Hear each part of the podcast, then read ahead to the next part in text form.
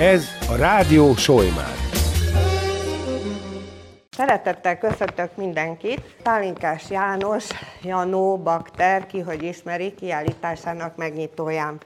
Nagy nap ez a mai, hiszen János több mint egy évtizedes kihagyás után most vállalkozott ismét, hogy egy önálló kiállításon mutassa be az elmúlt három év termését.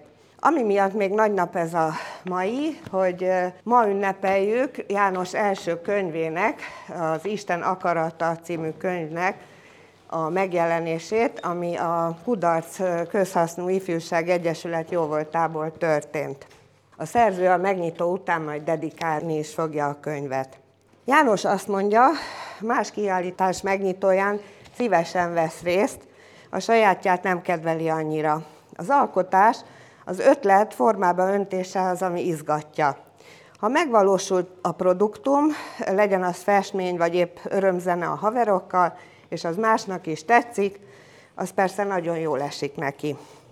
Magáról sem szeret konkrétumokat elárulni, vagy életrajzi adatokat mondani, azt feltételezi, hogy ez nem érdekli az embereket, és aki itt van, az úgy is fogja tudni. Azért egy-két dolgot így nyomatékosítanék, bár ez olvasható a bejárat melletti indító falon, bár azt meg úgysem olvassa el soha senki, tehát azért kiemelnék egy-két dolgot. János Szentendrén született, és hogyha körbenézünk, akkor olyan szentendrei hangulatunk támad, legalábbis nekem lehet, hogy a témák miatt ö, olyan, mint hogyha egy kis galériában lennénk Szentendrén. Tehát Szentendrén gyerekeskedett, ott töltötte a fiatalkorát, és ez valószínűleg nem múlt el nyomtalanul. Azt mondja magáról, hogy autodidakta festő, de volt egy neves grafikus és díszlettervező, Váci J. Tamás, aki csiszolgatta technikai tudását. János szereti a biztonságot, van egy polgári foglalkozása, ennek köszönhetjük a Bece nevét például, ugye a baktert, de ennek köszönhetjük azt is, hogy a vasút kötelékében kb. 25 évet dolgozott itt Solymáron, illetve kb. 20 évet élt családjával a bakterházban.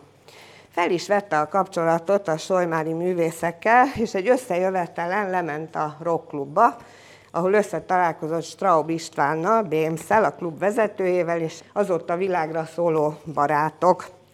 A többi már történelem, mert Janó azóta is évtizedeken keresztül a klub aktív tagja, és a közhasznú egyesületté válásakor segített a célok megfogalmazásában és megvalósításában, vagy a Kudart Pince Galériát segített megvalósítani, és sok kiállítást is szervezett ide. Ugyan már nem él itt, de hűséges maradt úgy a klubhoz, mint Sojmárhoz.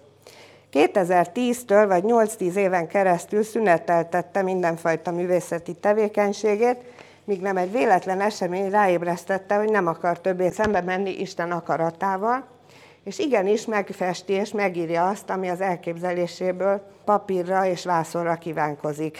Így született meg tehát ez a kiadott balkáni úti beszámoló, az Isten akarata című könyv. Janóval télen volt szerencsém Kecskemétre utazni együtt, és egymás mellett ültünk a kis buszban, és folyamatosan történeteket mesélt nekem, egy másik úti könyvre való úti élményt Azerbajdzsáról, nem a Balkáról, és hazaérve azt vettem észre, hogy bár a nyakam az eléggé fáj, mert egyfolytában arra fordultam, de elröppent az idő, és pillanatok alatt hazaértünk. Körülbelül ilyen ez a megjelent könyv is, mintha Janó élőszóban éppen sztorizgatna, keresetlen, spontán, egyszerű, könnyen fogyasztható, olvasás közben elrepül vele az idő. Janó nem festő, nem zenész és nem író, de talán örömet okozunk neki, hogy sokunknak tetszik, amit csinál. És átadnám a szót Solyom Ágnesnek, a hírmondó főszerkesztőjének, hogy nyissa meg a kiállítást. Mielőtt mondókámba belekezdenék, egy fontos kérdést szeretnék tisztázni. Két példányban írtam meg a mondani valómat, az egyik magázós, a másik tegezős, és szeretném megkérdezni, hogy melyiket olvassam föl.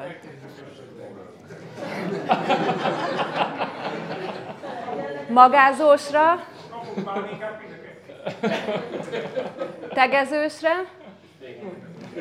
jó.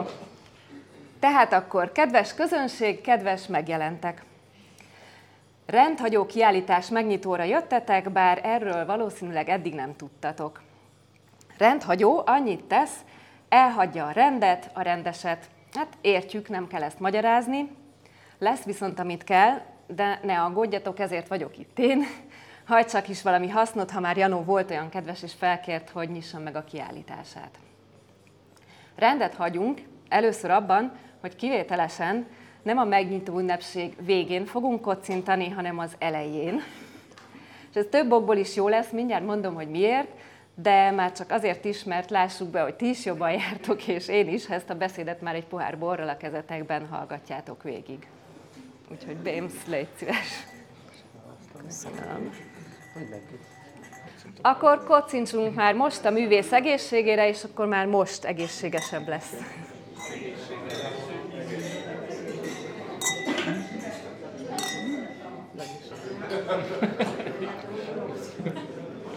Kezd kerekebb lenni a világ, ugye?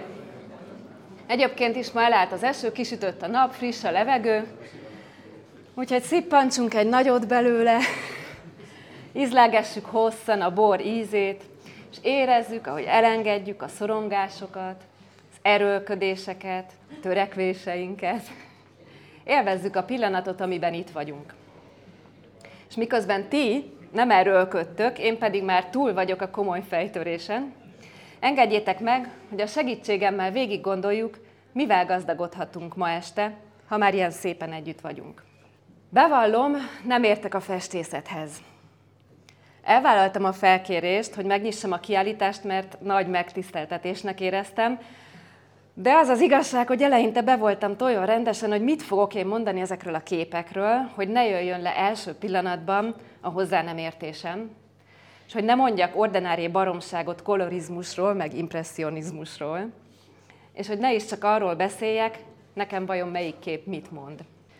Janó könyve mentett meg, Bizonyára mindenki értesült arról, és Éva is elmondta az előbb, hogy Janó írt egy könyvet. Igaz, jól fejbe kellett kólintania a Jóistennek ahhoz, hogy összekapja magát, de megtette, és megszületett a balkáni utazóregény. Ma este lesz a dedikálása. Nos, mivel a művészettörténet irányzatokhoz keveset konyítok, a szövegekhez viszont annál többet, az a nagyszerű ötletem támad, hogy ha megértem a könyvet, megértem az alkotót, és ha megértem az alkotót, akkor meg lesznek értve az összes alkotásai, beleértve a festményeket is. Hát persze ez nem így van. Hiszen az alkotások nem olyanok, mint egy rejtvény, hogy meg kellene őket fejteni. Távol álljon tőlem, hogy azon morfondírozzak, mire gondolhatott a festő. A művészet éppen arra jó, hogy kihagyja a fejet a történetből. A képeket nézni kell, és várni, hogy hatnak-e ránk, vagy sem. Ha hatnak, akkor nekünk jó, és persze a művésznek is jó. És nem mellesleg, ez rögtön az első dolog, amit tanulhatunk ma este. Néha ki kell hagyni a fejet a történetből. Akkor is, amikor festményeket nézegetünk, és akkor is, amikor a világot nézegetjük magunk körül. Egyben ez egy újabb indok, amiért itt a bor a kezünkben hedonizmus finom jelképe, egyúttal egy eszköz, ami segít letenni a terheket. Szeressük az életünket, lássuk meg a szépségeket. És ha egyedül nem megy, nem baj, azért van a művészet, hogy segítsen. És itt most egy kis kitérő következik, azzal a céllal, hogy megerősítsük a művészt művészi identitásában. Janó gyakran jellemzi magát ugyanis kereshetlen szavakkal. Isten akarata című könyve végén például egészen konkrétan ez szerepel, legalábbis abban a változatban még, amit én olvastam. A szerző festőművész, rockzenész, író, csavargó, alkoholista, haszontalan alak. Tényleg haszontalan? Ezen a ponton szükség van néhány szómagyarázatra. A művész. A szótár szerint a művész az, aki a művészetek valamely ágában hivatásszerűen alkot.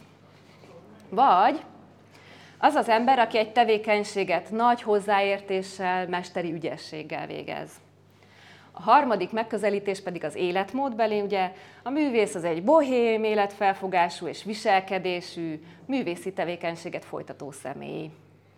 Én hadd magyarázzam másképp. Művész szerintem az, aki úgy látja a világot, hogy azt átértelmezi. Vérmérséklete szerint, vagy gondolatban rendszerbe szervezi, vagy éppen belelát műalkotásokat oda, ahová a nem művész nem lát. Akár történeteket, akár képeket. Művésznek lenni látásmódot jelent. Alkotó pedig az, aki alkot.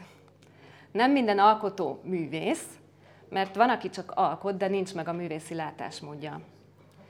És van olyan is, aki éppen fordítva egy művész szemével látja a világot, de aztán nem manifestálódnak ezek a gondolatai valódi műalkotásokban, vagyis alkotónak nem nevezhető.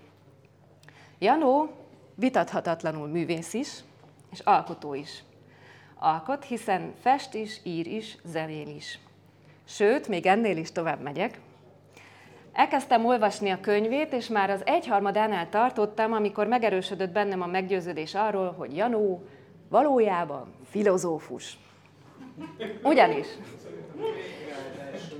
bármennyire is úgy tűnhet első látásra, a négy barát balkáni utazásáról szóló beszámoló nem csupán a sörnek és a rakinak a története. Sőt, sokkal több, mint egy útikönyv, bár annak sem utolsó. Találunk benne szociológiai fejtegetéseket, egy csepp vallást, egy kis filozófiát, ha lehet kicsinek nevezni, hiszen a lét alapvető kérdéseit feszegeti óvatosan, egy-egy kábult pillanatban, ahogy ő fogalmaz, amikor le tud vedleni a nyugati anyagias gondolkodás és morál. Miért kell levedlenie a nyugati felfogásnak? Mi baja a szerzőnek a nyugattal? Miért utálja a hollandokat? Tettem fel a kérdést magamban többször is. Mire jó a tradicionalizmus, amit emleget, és egyáltalán hogyan fér össze ez a hedonizmussal, a hagyomány a pillanat élvezetével? Bevallom, ezen sokat gondolkodtam, pedig a megoldás egyszerű, csak nem gondolkozni kell rajta, hanem megérezni. De azért megpróbálom elmagyarázni. A kulcs szó a nosztalgia. A haladó, a fejlődéspárti mindig újító, jobbító szándékkal nyúl a meglévő dolgokhoz. Ez viszont gyakran együtt jár azzal, hogy elfelejtjük értékelni azt, ami most van. Pálinkás művész úr és filozófus úr arra hívja fel a figyelmünket, hogyha folyton mindent tökéletesen akarunk csinálni, és tökéletesíteni akarunk, akkor nem vesszük észre, ami már amúgy is, itt és most csodálatos. A lélek belső gazdagsága felülmúlja a hétköznapi életet. Fogalmaz, szerintem gyönyörűen. És akkor itt kanyarodunk vissza a Balkánhoz. Miért jár vissza oda Janó újra meg újra? Miért festi le a tájait? Miért ír róla a könyvet? Szerintem a nosztalgia miatt. A Balkán az orrunk alá dörgöli a gyerekkorunkat. Azt a természetes rendetlenséget, amikor még nem akartunk mindent megszervezni, beszabályozni, amikor még hintázhattunk úgy, hogy nem kellett talán párnát tenni, hát ha megütjük magunkat. Janó azért aggódik, hogy belőlünk már szinte kiveszett a tehetség, amivel boldogabbá tudjuk tenni az életünket. És maradnak a pótlékok. Ha valamit ma még tanulunk, akkor az legyen ez. Nem kell mindenből a legszebb. Jó a szakadt is. És nem baj, ha nem tip-top az épület vagy a megjelenésünk. A káoszban ott tudnak élni az ábrándjaink, az álmaink. Élvezzük a tájat, ami végtelen érzelmi gazdagságot zár magába. Merjünk néha érezni, ahelyett, hogy értenénk. És hagyjuk az igazságkeresést. Keressünk helyette például egy jó hideg csapolt sört. Ezek a lét immanens értékei. Nos, én ezeket az útravalókat találtam, de hát, ha ti találtok mást is. Nézzétek meg a képeket a Balkánról, és a többieket is. Szerintem olvassátok el Isten akaratát is. És kívánom mindenkinek, hogy mától fogva még több örömöt találjon az életében. Köszönöm a figyelmet!